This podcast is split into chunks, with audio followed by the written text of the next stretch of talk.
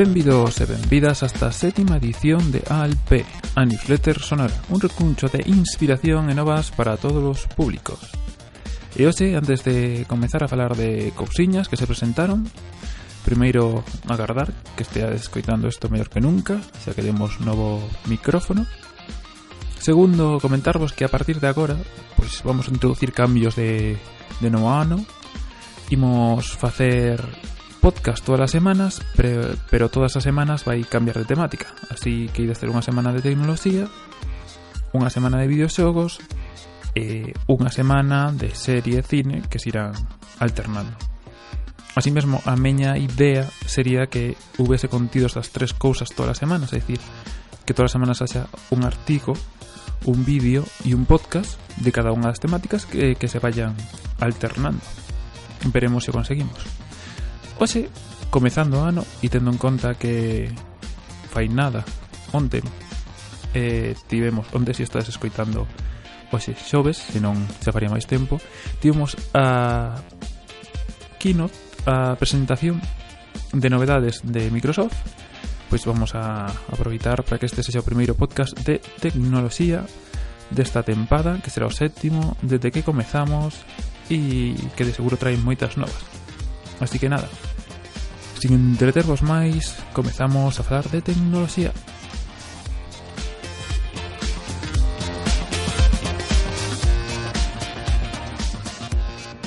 Si necesitáis a alguien, me apunto. Buena idea. No. La rueda fue una buena idea. La relatividad fue una buena idea. Lo tuyo es una conjetura y no estoy de acuerdo. She dreamed of knights and horses. Eh, comezamos falando dun dos temas que vai ser o referente neste ano.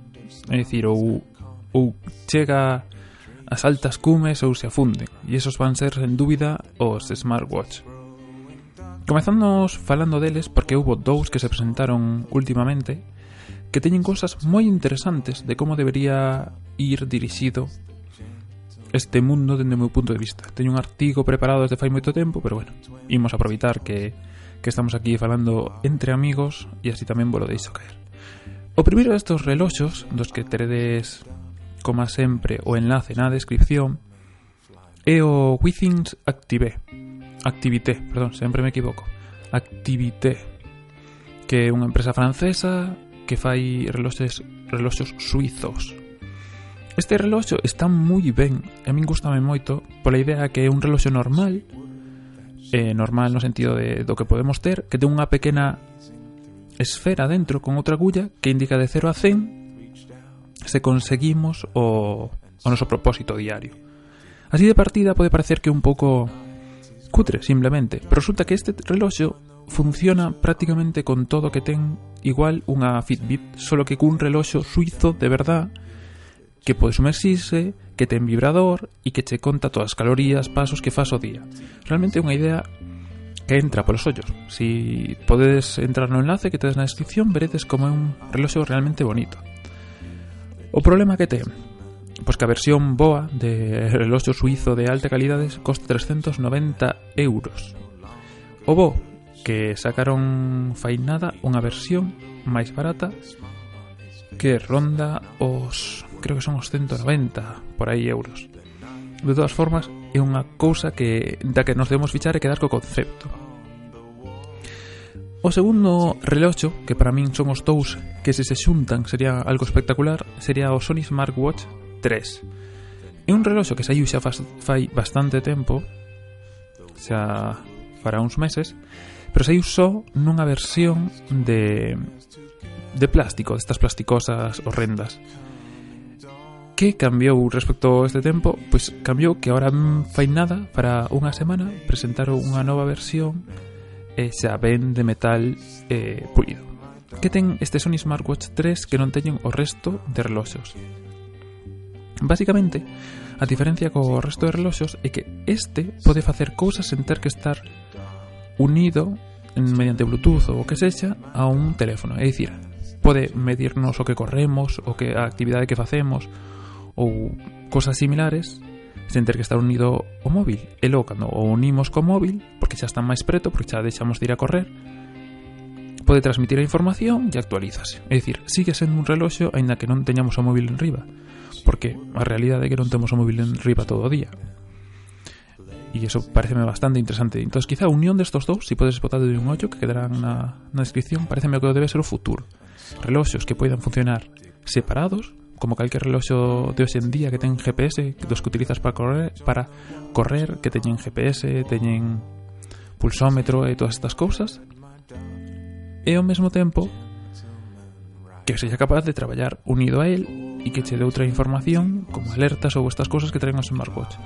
É algo bastante interesante que si, que si sai ben, que si avanza como debe avanzar, pois pues pode ser realmente o futuro, non isto de telos conectados ou incluso as locuras de Samsung de ter que mercar outra SIM pero o que despois resulta que se utilizas o reloxo coa SIM pois duralle 3 horas a batería non, eso non, non pode ser pero bueno Primeira idea de hoxe, Smartwatch. No durará. Los hermanos y las hermanas son enemigos por naturaleza, como los ingleses y los escoceses, o los galeses y los escoceses, o los japoneses y los escoceses, o los escoceses y otros escoceses. ¡Malditos escoceses! ¡Han destrozado Escocia!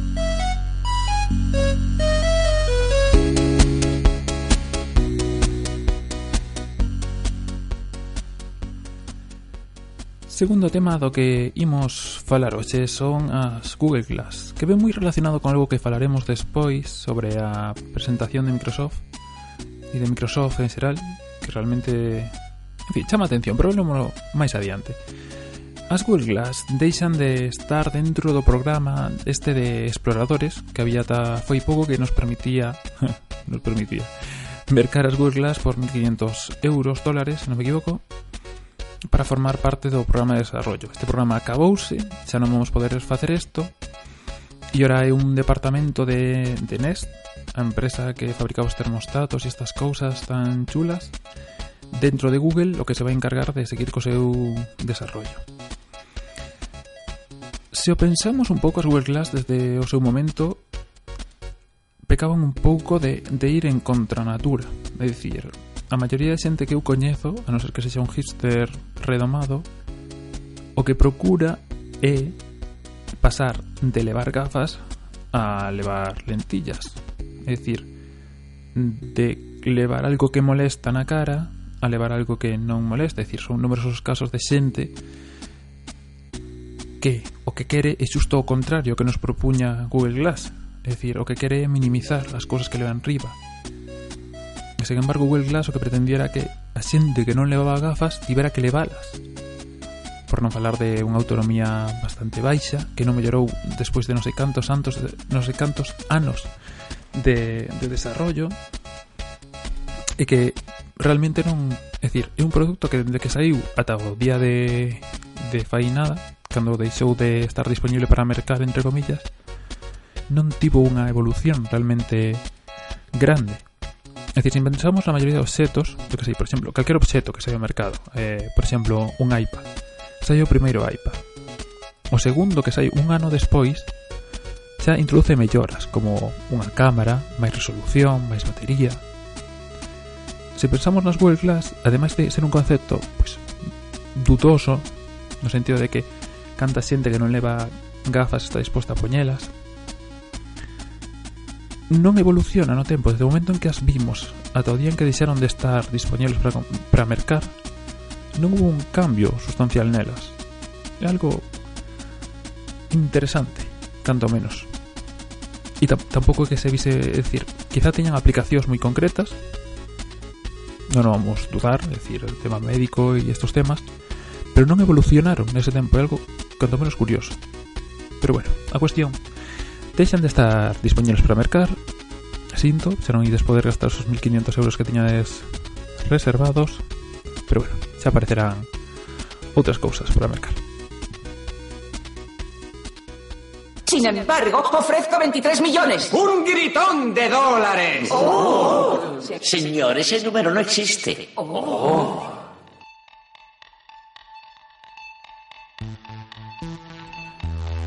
E como último tema antes de pasar a falar de Microsoft, vas a estender estos programas así tan... Pese a estar tan centrados nun tema, ao final un dalle a lingua e esténdese, pero bueno. O último tema antes de pasar a falar de Microsoft e da súa presentación de onte, pois sería WhatsApp, que saca cliente web. Realmente non é un cliente web. É como un espello móvil na web. Porque realmente o que, o que está facendo este cliente, vamos decirlo así, é replicar o que tes no móvil nun apartado da web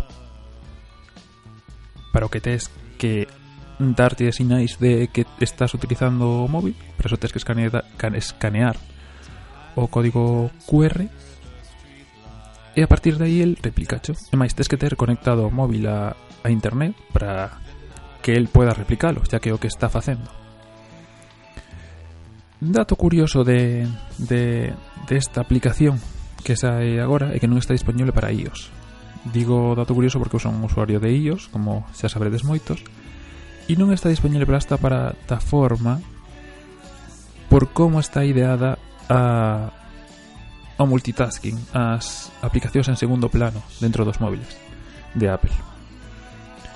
Que pasa con elas? Pois que estas aplicacións non permiten o acceso que precisan e que sí que teñen en no resto de plataformas, porque se non me equivoco, excepto en iOS, en calquera outra plataforma sí que se pode a, acceder a esta nova funcionalidade.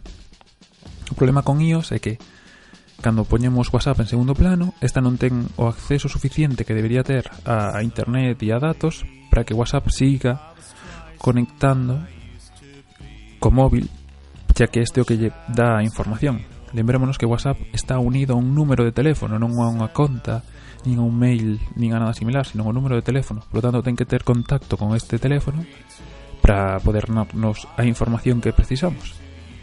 Ademais desto tamén é curioso como de momento só traballa con Chrome, ainda que se saíron algunhas cousiñas, algúns plugins para que traballe con Firefox e con Opera. Se estás interesados e utilizades estos navegadores, pois, botade un ollo, a ver se os atopades Eu utilizo Safari últimamente, así que nanai nanai de momento. E nada, estaremos atentos. Eh, parece que vai para longo para, para os usuarios de iOS, xa que non é unha cousiña de que aproben a actualización da aplicación, senón que vai un pouco máis longe. Pero bueno, estaremos atentos. Realmente non sei o uso que, que lle acabarei dando, porque axuda un pouco a, a separar a perda de tempo de WhatsApp polo móvil e estar centrados no ordenador por outro lado, entonces evita que se xunten dous mundos. Pero bueno, veremos. Veremos como acaba a cousa. Bien, quiero que despejéis vuestra mente y os relajéis, ¿de acuerdo? Ignoradlo todo menos el sonido de mi voz. Ahora estirad los brazos, seguro que os acordáis. Estiradlos hacia los otros. Sí. Bien. Quiero que os remontéis a cuando solo erais unos críos. A cuando solo erais un grupo de niños.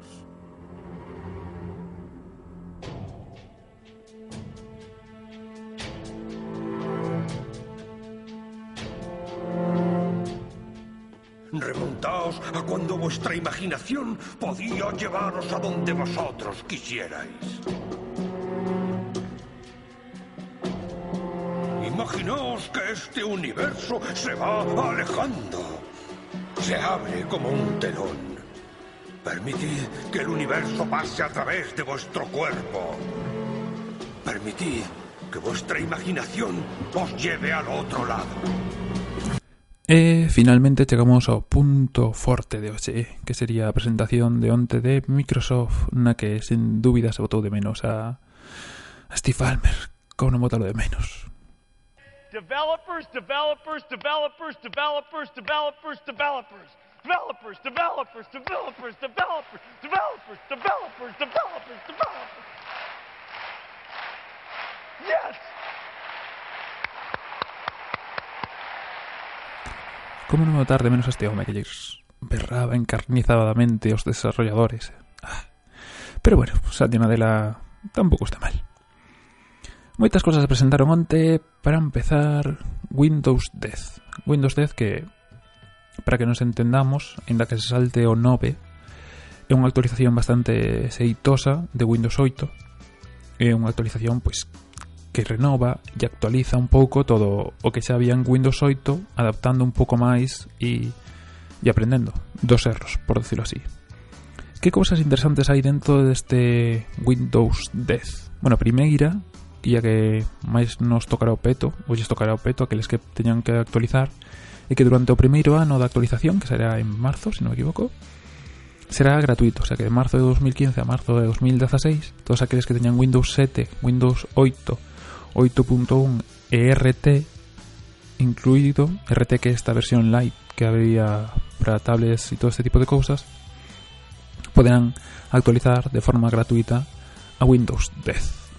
Esto sería o primeiro. O segundo, e bastante interesante en sí, porque a idea desde o seu comezo era interesante, outra cousa que é que a realización desde Microsoft pois non fora todo apurada que debería ser, e que pouco a pouco van limando as asperezas e van lle dando máis sentido a este sistema unificado onde Windows 10 é o mesmo, entre comillas, evidentemente, para ordenadores de sobremesa, tablets e móviles.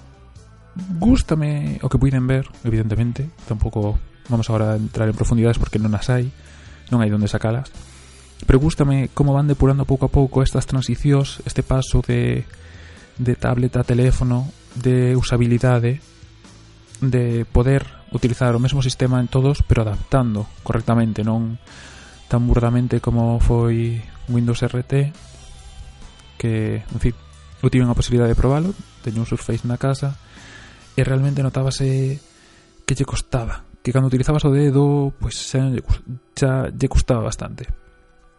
Interesante como recuperan o escritorio unha forma máis interesante, máis patente, máis que interesante patente, no sentido en que está aí e logo que podes eh, agrandar a pantalla de tiles, que son estas cousas interactivas, e en xeral bastante interesante. Debo confesar que, que Windows Windows móvil que desaparece, que pasa a ser todo Windows 10, é un sistema moi atractivo, un sistema un, que está no medio do, do camiño entre iOS, que é un sistema bastante fixo, é dicir, temos os iconos e logo que pase dentro, e temos a pantalla e xa está. E, e, e eso que ves na pantalla son ao mesmo tempo as aplicacións que temos e Android, que todo o contrario, que permite todo tipo de modificacións. No medio dese camiño está Windows, que nos permite ter por un lado as aplicacións como se si fora Android e por outro lado a pantalla principal pero ao mesmo tempo na pantalla principal. Son cadros ou cosas fixas como se si fora iOS porque nos dan información non tanta como se si fora Android pero si bastante máis que como se si fora iOS. É, é un sistema operativo ben feito, xeitoso que peca de chegar tarde que ten o fallo das aplicacións pero que está moi ben deseñado e non importaría en absoluto que, que iOS tomase algunha desas referencias para un pouco evolucionar, para permitir agrandar os logos ou as imaxes na pantalla principal para que nos traga un pouco máis de información. Non estaría mal, non non non sería unha mala idea. Cousas que todos esperábamos que pasasen e que pasaron antes en Microsoft que no resto de de sitios. Bueno, Google Now sí que está incluído, pero no resto de sitios, como por exemplo con Siri, pois pues que Cortana xa está en Windows 10 e lle podemos escribir e ela nos contesta escribindo é unha cosa interesante un pouco é eh, que se chama a revolución pero é moi interesante. Temos o cambio de Internet Explorer deixa de ser Internet Explorer e pasa a ser Project, Project Spartan. Máis alo de si a diferencia real traballando e eh, está aí patente ou non o simple feito de cambiar o nome eu creo que xa é un síntoma de, de madurez, de cambiar as cousas que se precisaban cambiar. Porque todos temos claro que calquera que falaba de Internet Explorer, sexa polo que fose, pois xa como que, que significaba un navegador malo. Enda que non o mereces últimamente, pois xa este rebranding, este cambio de nome, vai facer sin dúbida que, que nova xente volva a darlle unha oportunidade. ¿eh? que volva a ser que é un comenzo de cero bastante interesante. Máis cambios que houve tamén, bueno, pois máis xogadores aínda que este non sexa o podcast de videoxogos que chegará. Esta semana si que tedes o artigo de videoxogos falando sobre a cultura dos videoxogos en memoria pixelada escrito por min, tamén vos deixarei un enlace para que non vos perdades. Aínda non está feito o vídeo esta semana como vos dicía antes pero tamén espero que me dé tempo. Pois eh, volvendo ao tema Microsoft, teredes Xbox conectada a PC, que bueno, é un avance tamén que permite a maior interacción entre a consola. Non sei se vos sodes máis de Xbox ou de PlayStation, son de PlayStation, así que a Xbox pues, a teño un pouco de lado, pero bueno, se vos interesa tamén, botade un ollo, que tamén chegará. Non, non servirá para gravar nin para facer streaming dos xogos, pero bueno, é un avance. É un avance Abre un novo motor gráfico, falando de videoxogos, o Direct 12, que non notaremos agora, pero que estará aí, patente. Non nos farán pasar por outro Windows for Games como xa o fixeran fai tempo, que tamén un avance. E a grandes rasgos, isto serían a parte de software. E agora teríamos a parte interesante, ou canto menos máis chocante. Por un lado teríamos o, o Surface Hub, que un monitor ordenador de 84 pulgadas 4K que se conecta na parede, que é unha das súas propostas, realmente non é que sexa moi chocante. Eh, eu creo que se le van vendo cosas destas, o interesante que o presente Microsoft e que sexa da súa man, E, e nada, é un dispositivo todo en un colgado na parede de 84 pulgadas Ainda sin precio, pero bueno Unha idea interesante, podes botarlle un ollo tamén Deixaremos todo na descripción E por último, e pechando, porque se está alargando isto de demasiado, temos o que sí que foi o, o rompedor da tarde de onte, tarde-noite, que foron as HoloLens. Como os comentaba cando falábamos das Google Glass, estas tamén, tamén unhas gafas, pero son de realidade aumentada. Que diferencia hai entre a um, virtual reality e augmented reality? É dicir, entre, por exemplo, as gafas de realidade aumentada e as de, e as de realidade virtual como son as Oculus Rift, por exemplo, pois que es de Microsoft o que fan é tomar o que tedes ao vosso redor, é dicir, permiten vos ver o que tedes ao redor, se estás na habitación, na habitación, e o que fan é poñer e utilizar as cousas que hai ao redor destas como, como un medio. entonces estas gafas que, a ver, de aspecto non son bonitas, O que pasa é que para o que están pensado, que para un uso máis de interiores, non para levar todo o día, para un uso concreto, igual que cando nos poñemos dentro do ordenador, non estamos pensando en levar unha pantalla de ordenador a todas partes, pois isto tampouco sería para levar a todas partes. Yo que fan é interactuar co medio, é dicir, se tedes unha parede, poderías ter a televisión na parede ou en forma de realidade aumentada e esta quedaría fixa nesa parede. Entón, tú xeras a cabeza e deixas de vela pero sigue estando aí porque as coitas ainda que non navexas. Sirve para traballar en equipo, para... Realmente é un concepto que, que debedes ver. A min como concepto gustame, gustame moito, a verdade. Non sei cal será o precio, non sei como de real será o concepto, pero sen dúbida vai, vai dar que falar. É sen dúbida o, o máis interesante. Por que isto sí del Google Glass non, ou case que non? Pois a diferencia básica é a idea para que están concebidas. Bueno, e logo veremos a evolución e a aplicación real, evidentemente. Pero a idea das Google Class era para unha interactividade todo o día. É dicir, chega unha chamada, polas Google Glass chega calquer cousa, polas Google Glass facer fotos cos Google Glass. Mentras que as HoloLens están pensadas para interactuar nunha habitación, nun sitio concreto, na que podes ter a televisión de forma virtual nunha parede podes ter un xogo de mesa de forma virtual na mesa, unha receta de cociña nun sitio e moverte na habitación onde realmente non hai nada como se estivese hecho de cousas. Unha cousa similar á película de Her, por exemplo, onde había realidade aumentada, é dicir, as cousas non estaban na habitación, el vía a habitación e utilizaba habitación como parte dese xogo. Unha idea realmente interesante e que tengo ganas de probar y de ver cuánto se aplica realmente, porque Microsoft, como sabéis, por ejemplo, con, con Kinect, se activó algún momento de esos de esto que vendemos y luego resultó que había más fume. Pero bueno, veremos, veremos. Veremos lo que hay. Y hasta aquí todo que teña que falar de tecnoloxía destas últimas semanas. Me llamo Homer Simpson y quero apuntarme a algo. Puedo hacerte un hueco en el foro de debate. ¿Debate? ¿O sea, discutir? Sí. Eso es mentira, son marrana. Pequeño ensayo, señora Blumen. Por último, e na sección recomendacións e para que non me monten a bronca os meus coleguis farangolleiros, dicirvos que o primeiro fin de semana de marzo haberá quedada podcasteira no sentido amplio da palabra, non só para creadores, tamén para ouvintes e, e xente que queira asistir que será en Marín, se non me equivoco, de data, pois pues non me acordo da exacta, pero terá na descripción. E, e esperemos que vaya máximo número de xente posible e que sigamos avanzando. E logo, ainda que non sería dentro das recomendacións, pero bueno, xa que estamos aquí, yo podcast e meu,